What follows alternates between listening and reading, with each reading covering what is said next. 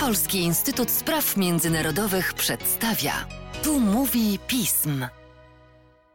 W podcaście Polskiego Instytutu Spraw Międzynarodowych wita Państwa Łukasz Jasina, jak zazwyczaj zresztą, a moim gościem jest dawno niesłyszany dr Oskar Pietrewicz, nasz analityk do spraw koreańskich i w ogóle azjatyckich. Cześć Oskarze. Cześć Łukaszu, dzień dobry, witam. Jak, y, jak nam opowiadałeś o Korei w dobie pandemii, Japonii w dobie pandemii, opowiadałeś nam o różnych kwestiach, które były bardzo smutne i które pokazywały, jak wielkie zmiany, których do końca nie jesteśmy w stanie opanować, y, działają na świecie, to sobie pomyślałem, że być może nadejdzie taki czas, że owszem, będziemy rozmawiali o tych państwach azjatyckich w kontekście COVID-u, ale jednak to nie będzie główny temat. Ciągle to jeszcze nie nadeszło. Dzisiaj chciałbym porozmawiać z Tobą o sytuacji gospodarczej Korei Południowej w warunkach pandemii. Tego, jak to już troszeczkę wygląda w perspektywie kilku miesięcy, które mamy ze sobą i tych, które mają nadejść, także nie tylko z koronawirusowych powodów. Y, Korea Południowa otrzymała ostatnio pewną propozycję od prezydenta Trumpa, aby nieco wskoczyć w, w gronie elity światowej gospodarki. Jest to państwo, które bardzo mocno swoje znaczenie w tej sprawie zwiększa. I tu przestaje strzępić swój język i oddaje głos fachowcowi, czyli tobie. No faktycznie widmo e, COVID-19 się ciągle unosi nad Koreą Południową i o ile sytuacja epidemiczna jest już lepsza, o tyle sytuacja gospodarcza jest coraz trudniejsza. Jest to sytuacja o niebo lepsza niż e, w państwach zachodnich, ale y, coraz gorsza w momencie, te problemy zaczęły się ujawniać, kiedy u nas się pogorszyło, w naszej części świata, w Unii Europejskiej, w Stanach Zjednoczonych, pogorszyło się u nas, więc musiało się pogorszyć y, i mieć odbicie na, odbić się na, na wskaźnikach makroekonomicznych południowo-koreańskich, głównie na eksporcie, ponieważ jest to szósty największy eksporter świata, więc to, co się dzieje w państwach, które są głównymi rynkami zbytu, jest kluczowe dla południowo-koreańskiej gospodarki. I e, właśnie z uwagi na to silne powiązanie, już w pierwszym e, kwartale tego roku e, ujawniły się problemy, które pokazały, że jest najgorzej z południowo-koreańską gospodarką od 2008 roku. Tak czysto wskaźnikowo, niemal 1,5% spadku PKB w ujęciu kwartalnym, ale to i tak dużo lepiej niż chociażby w Unii Europejskiej, gdzie ten spadek wyniósł około 3,5% ale pojawiły się problemy w Korei Południowej związane chociażby ze spadkiem konsumpcji gospodarstw domowych. Najwyższy spadek od 22 lat od innego ważnego momentu dla południowo-koreańskiej gospodarki, czyli azjatyckiego kryzysu finansowego. Problemy e, te bieżące też przywołują właśnie te najgorsze czasy e, dla południowo-koreańskiej gospodarki w ostatnich dwudziestu kilku latach. Dotyczy to też bezrobocia. Bezrobocie w kwietniu e, tego roku wyniosło co prawda zaledwie 4,2%. Cóż, cóż to jest w porównaniu z tymi wskaźnikami, chociażby w Stanach Zjednoczonych, ale w tym miesiącu właśnie odnotowano największy od 1999 roku spadek zatrudnienia. Więc e, są pewne wskaźniki takie e, historycznie historycznie może nie najgorsze, ale nawiązujące do tych najgorszych historycznie danych ekonomicznych, ale są też problemy y, takie już y, utrwalone, które COVID y, jeszcze bardziej uwidacznia, chociażby sytuacja młodych na rynku pracy. To się szacuje, że nawet ponad 20% młodych Koreańczyków nie ma stałego zatrudnienia, młodych, czyli do 29 roku życia. I w momencie, kiedy stracili pracę na przykład w usługach, to się okazuje, że te problemy makroekonomiczne są coraz poważniejsze. Mówiłem o eksporcie i tutaj też mamy do czynienia no, z takimi no, e, spadkami rzędu ponad nawet 20% w ujęciu rocznym w kwietniu i w maju. I dotyczy to wszystkich towarów eksportowych i wszystkich rynków najważniejszych, czyli spadki i na rynek chiński, i na rynek Azji Południowo-Wschodniej, i do Stanów Zjednoczonych, i do Unii Europejskiej. I to wszystko sprawia, że Koreańczycy z południa musieli oczywiście zrewidować swoje E, prognozy na ten rok, jak, jaką prognozują e, sytuację ekonomiczną w 2020 roku. Te sygnały dotyczące tego, że będzie gorzej, już płynęły z Międzynarodowego Funduszu Walutowego, który założył w swojej prognozie, że w Korei Południowej w tym roku będzie recesja na poziomie 1,2%. Koreańczycy z południa e, oceniają, znaczy są większymi optymistami. Zakładają, że jeśli dojdzie do globalnego odbicia w drugim półroczu tego roku, to południowa gospodarka może nawet odnotować minimalny wzrost w granicach, w granicach 0,2%, ewentualnie stagnacja. I e, to wszystko pokazuje, że sytuacja nie będzie najlepsza, ale jednak lepsza niż na innych e, rynkach e, za, zaawansowanych gospodarek. No to, to rzeczywiście tak jakby troszeczkę porównywać polską kwestię eksportową i koreańską, ale y, poza oczywiście wskaźnikami, numerkami, cyframi, które są ważne, jak to wszystko przekłada się na nastroje społeczne w Korei Południowej? To jest państwo, które od 30 lat, mimo zewnętrznych pozorów, nie jest y, państwem stabilnym politycznie. Tam bardzo wiele problemów podskórnie funkcjonuje, co pokazał i film Parasite, ale i analizy kompletnie niezwiązane ze sztuką.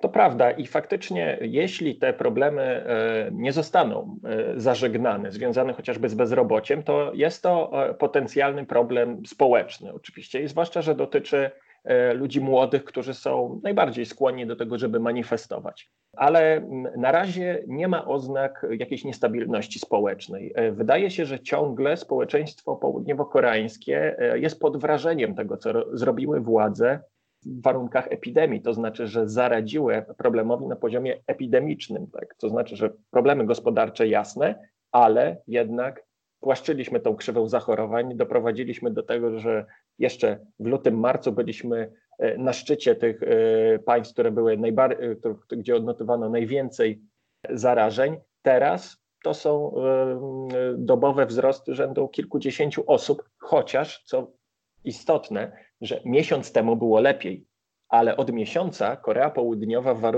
funkcjonuje w warunkach złagodzonych restrykcji. I faktem jest, że chociaż nadal odnotowuje niewielką liczbę zarażeń, kilkadziesiąt osób dziennie, to jest to kilka razy więcej niż miesiąc temu. A wszystko pogorszyło się dlatego, że chociażby sytuacja w takich miejscach jak kluby, kościoły, hurtownie no jest, nie, nie, wszyscy przestrzegają norm bezpieczeństwa i się okazało, że doszło do powstania lokalnych ognisk e, zarażeń, co sprawia, że władze ciągle traktują to, że trzeba tę e, sytuację bardzo uważnie monitorować. I na to głównie ludzie wydaje się, że zwracają uwagę ciągle, że na tym się skupia uwaga społeczna, chociaż oczywiście im dłużej e, problemy na e, rynku pracy na przykład nie będą rozwiązane, tym bardziej będzie to taki potencjał do tego, żeby zamanifestować swój sprzeciw wobec władz. Ale na razie władze no, korzystają z dobrych wiatrów, jakie przyniosło im no, to sukces w walce z epidemią.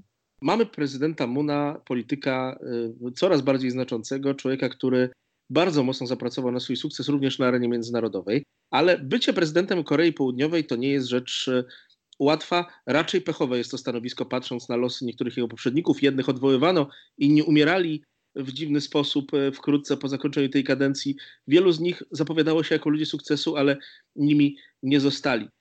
Jakim, jak ważnym problemem kwestie e, zmian gospodarczych, reform są e, dla prezydenta Muna? Czy on stara się zapisać w historii Korei tylko jako twórca jej polityki zagranicznej, czy też ma jakiś pomysł na, na inne działania?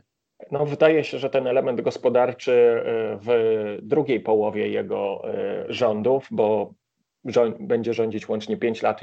Niedawno minęły 3 lata, odkąd rządzi, więc ta druga połówka jego rządów wydaje się, że zdecydowanie będzie poświęcona kwestiom gospodarczym. On chce, żeby poza tym dziedzictwem w warstwie polityki zagranicznej, chociaż dziedzictwem kwestionowanym z uwagi na to, że mamy tak naprawdę od 2018 roku zastój w dialogu międzykoreańskim i tak dalej, ale chce, żeby jego dziedzictwem politycznym też było właśnie zmiany gospodarcze, czyli zmodernizowanie unowocześnienie i tak nowoczesnej gospodarki. Bo to, co jest ważne, że poza takimi działaniami e, czysto pomocowymi, jakie znamy z Europy, ze Stanów Zjednoczonych, tymi wszystkimi zapomogami dla gospodarstw domowych, wspierania gałęzi przemysłu, to przede wszystkim władze Korei wydają się traktować obecny kryzys jako impuls do właśnie dokonania skoku technologicznego. I to wszystko zostało przedstawione jako takie bardzo ogólne ramy, bardzo ładnie zaprezentowane pod kątem retorycznym przez prezydenta Muna w kwietniu, co się nazywa koreańskim Nowym Ładem. Nawiązuje ten Nowy Ład do Nowego Ładu prezydenta Roosevelta w Stanach Zjednoczonych. I ten plan zakłada zwiększenie wydatków na rozbudowę infrastruktury cyfrowej, sieć 5G, rozwój sztucznej inteligencji, big data, do tego y, cyfryzacja w transporcie, na przykład rozwój pojazdów autonomicznych i sektorów niewymagających kontaktu fizycznego, czyli to wszystko, co zyskało na znaczeniu w warunkach pandemii. E, rozwój sektora biotechnologicznego, przecież Korea Południowa jest jednym z liderów w branży biotechnologicznej i chce wyznaczać standardy, a się ten kryzys pokazuje, jak ważne jest to, że ci wyznaczają standardy, na przykład jak reagować na, na epidemię, ci, którzy mają rozwinięty sektor biotechnologiczny. To wszystko chce rozwijać Moon, ma mało czasu, bo ma dwa lata, no oczywiście nie na zrealizowanie wszystkiego, ale na rozpoczęcie pewnego procesu. I brzmi to bardzo atrakcyjnie. E, wydaje się, że takie państwo tak zaawansowane technologicznie ma wszelkie e, narzędzia, żeby, żeby dokonać tego skoku, ale są pewne problemy. Są pewne problemy związane z tym, że chociażby prezydent Moon e, nie wywiązuje się do dziś z pewnych obietnic, które, które, o których mówił wyborcom, kiedy się ubiegał o prezydenturę w 2017 roku. Mianowicie, na przykład, poprawi się sytuacja osób młodych na rynku pracy. Rola czeboli, wielkich korporacji, będzie mniejsza w gospodarce. Większe znaczenie będzie startupów, małych i średnich przedsiębiorstw. Po trzech latach rządów okazuje się, że no, skończyło się na deklaracjach, a sytuacja no, się gruntownie nie zmieniła.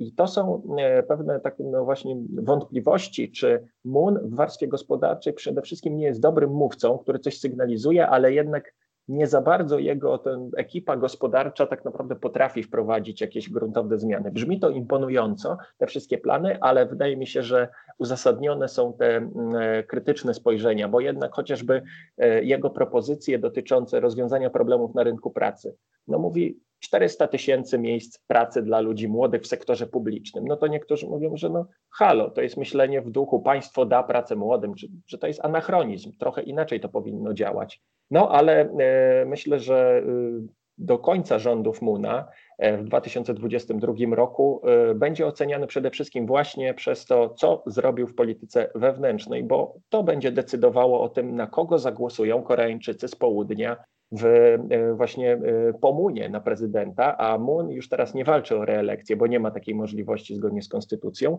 tylko walczy o mocną pozycję swojego następcy z Partii Demokratycznej. Jeszcze nie wiadomo, kto to będzie, ale no, jeśli Moonowi się noga powinie mocno przy planach gospodarczych, to siłą rzeczy będzie to miało przełożenie na, na sytuację polityczną ludzi z jego środowiska politycznego. Kiedyś mówiono słonia sprawa polska, to ja muszę zapytać się Korea Południowa sprawa polska. Mamy dobrą historię mm, relacji gospodarczych wzajemnych, co, co bardzo mocno było podkreślane rok temu, kiedy obchodziliśmy 30-lecie i w tym roku też częściowo ustanowienia relacji pomiędzy naszymi krajami, już tych formalnych. Polska bardzo różne plany miała z koreańskimi czebolami, z firmami wszelkiego rodzaju z Korei Południowej, od wojskowych, skończywszy na, na, na bardzo takich prostych planach. Jak sytuacja obecna w Korei Południowej wpłynie na inwestycje południowo-koreańskie w Polsce, ale też w naszym regionie, który czasami jest traktowany, w regionie Europy Środkowej, traktowany jako jedna całostka? No, na razie e, sytuacja wygląda dobrze z naszego punktu widzenia, ponieważ mimo tych obaw e, firm południowo-koreańskich, że w najbliższych miesiącach sytuacja nie będzie łatwa, sytuacja finansowa w firmach, płynność finansowa i tak dalej, to te firmy nie zwijają zakładów produkcyjnych, nie odchodzą od celów, jakie wyznaczyły sobie na ten rok, i było to widoczne chociażby w marcu, e, kiedy dużą determinacją wykazały się e, dwie firmy południowo-koreańskie, SK i LG Chem. SK wysłało 300 bodaj inżynierów e, do Komarom na Węgrzech, żeby rozbudowywać zakład produkcyjny produkujący baterie do samochodów elektrycznych i LG Chem zrobiło to samo, wysyłając czarterowy lot pod Wrocław, gdzie jest największa tego typu fabryka w Europie i jedna niedługo do 2022 roku ma być to największa fabryka właśnie produkująca baterie do samochodów elektrycznych. I nawet w warunkach zamkniętych granic, utrudnień, Koreańczycy wywalczyli sobie to, żeby na specjalnych prawach wjechać i rozwijać te inwestycje. To świadczyło o ogromnej determinacji południowo-koreańskich firm, żeby mimo problemów realizować to, co postanowili. I widać to właśnie w branży elektronicznej, chemicznej, telekomunikacyjnej. Widać to w tym, co Kore z czego Korea Południowa jest znana w naszym regionie. To chociażby e, widać po inwestycjach Hyundai i Kia w Czechach i na Słowacji, Samsunga, LG w Polsce. To widać chociażby po decyzjach najnowszych z ostatniego miesiąca, że na przykład telewizory e, firmy LG, przepraszam za product placement, ale to po prostu no, ta, ta firma jest południowo-koreańska, stąd o niej mówię, produkująca telewizory w Muławie ma zwiększyć jeszcze moce produkcyjne, a te telewizory z Muławy trafiają na cały rynek Unii Europejskiej. Więc e, e, Koreańczycy z południa na poziomie biznesowym są zdeterminowani, żeby kontynuować to, co sobie postanowili, bo traktują ciągle Europę Środkową jako bardzo ważny i rynek, bo trafia tu 25% południowo-koreańskiego eksportu do Unii Europejskiej. To jest częściowo też e, import inwestycyjny, że to sprowadzają e, firmy południowo-koreańskie potrzebne materiały z Korei Południowej, ale to jest przede wszystkim istotne zaplecze produkcyjne w sektorach motoryzacji, elektromobilności i elektroniki użytkowej. I to wszystko sprawia, że my jesteśmy ciągle ważni dla Korei Południowej. E, I widać to też chociażby e, przy innej inwestycji e, Hyundai Engineering w polimery Police. To przełomowy projekt robiony przez grupę Azoty, projekt na między 1,5 miliarda euro a 2 miliardy euro, projekt, który pozwoli na to, że w Polsce będzie produkowany polipropylen, czyli tworzywo sztuczne używane właściwie do wszystkiego, więc i w tym angażują się Koreańczycy z południa, więc oni mają od lat pomysł na to, co robić w Polsce i pandemia utrudnia, ale nie zmienia ich celów, że ciągle jednak są zdeterminowani i dla nas jest to bardzo dobry sygnał, chociaż zaznaczyłbym, że mm, jednak y, problemem dla nas może być tak, że to, co przyciągnęliśmy, to jedno, ale czy przyciągniemy coś więcej, ponieważ ten cały kryzys globalny, związany chociażby z tym, że mówimy coraz więcej o zmianach w globalnych łańcuchach dostaw i wartości, to może sprawiać, że Koreańczycy z południa chętniej będą przede wszystkim inwestować bliżej siebie, w Azji Południowo-Wschodniej, a tam są bardzo silnie obecni, przede wszystkim w Wietnamie. Ale to, co mamy południowo-koreańskiego e, w Europie Środkowej, to nie znika i co więcej, Koreańczycy mówią, że mogą nawet zwiększyć moce produkcyjne tych fabryk, więc jest to bardzo dobra informacja dla stosunków gospodarczych Korei Południowej z Polską i z całą Europą Środkową. Proszę Państwa, bądźmy dumni z tego, że telewizory dla wielu Europejczyków powstają w Mławie. Bardzo często, Oskarze, nie tylko chodzi tu o inwestycje południowo-koreańskie, w ogóle nie wiemy, że pewne rzeczy powstają w Polsce, niemieckie chociażby. To prawda, to prawda i myślę, że i myślę, że ten kryzys tym bardziej przypomina, co gdzie się robi, bo, bo przychodzi co do czego, to inwestorzy z różnych części świata o tym pamiętają. My jako konsumenci często sobie z tego nie zdajemy sprawy, ale inwestorzy dobrze wiedzą, gdzie lokują pieniądze. Proszę Państwa, posługując się różnymi terminologiami, zwłaszcza z kampanii reklamowej świętej pamięci koncernu DU z czasów, kiedy w latach 90. inwestowały w Warszawie i Lublinie, Polskę i Koreę Południową wiele łączy. Na przykład picie herbaty, chociaż to jest oczywiście zupełnie inna herbata. Oskarze, dziękuję Ci bardzo za to, że troszkę wybiegłeś w przyszłość, co powinniśmy już zaczynać robić w związku z powolnym jednak odmrażaniem się sytuacji kryzysowo-pandemicznej. Dziękuję Ci bardzo i życzę dużo, dużo zdrowia. Również dziękuję, pozdrawiam.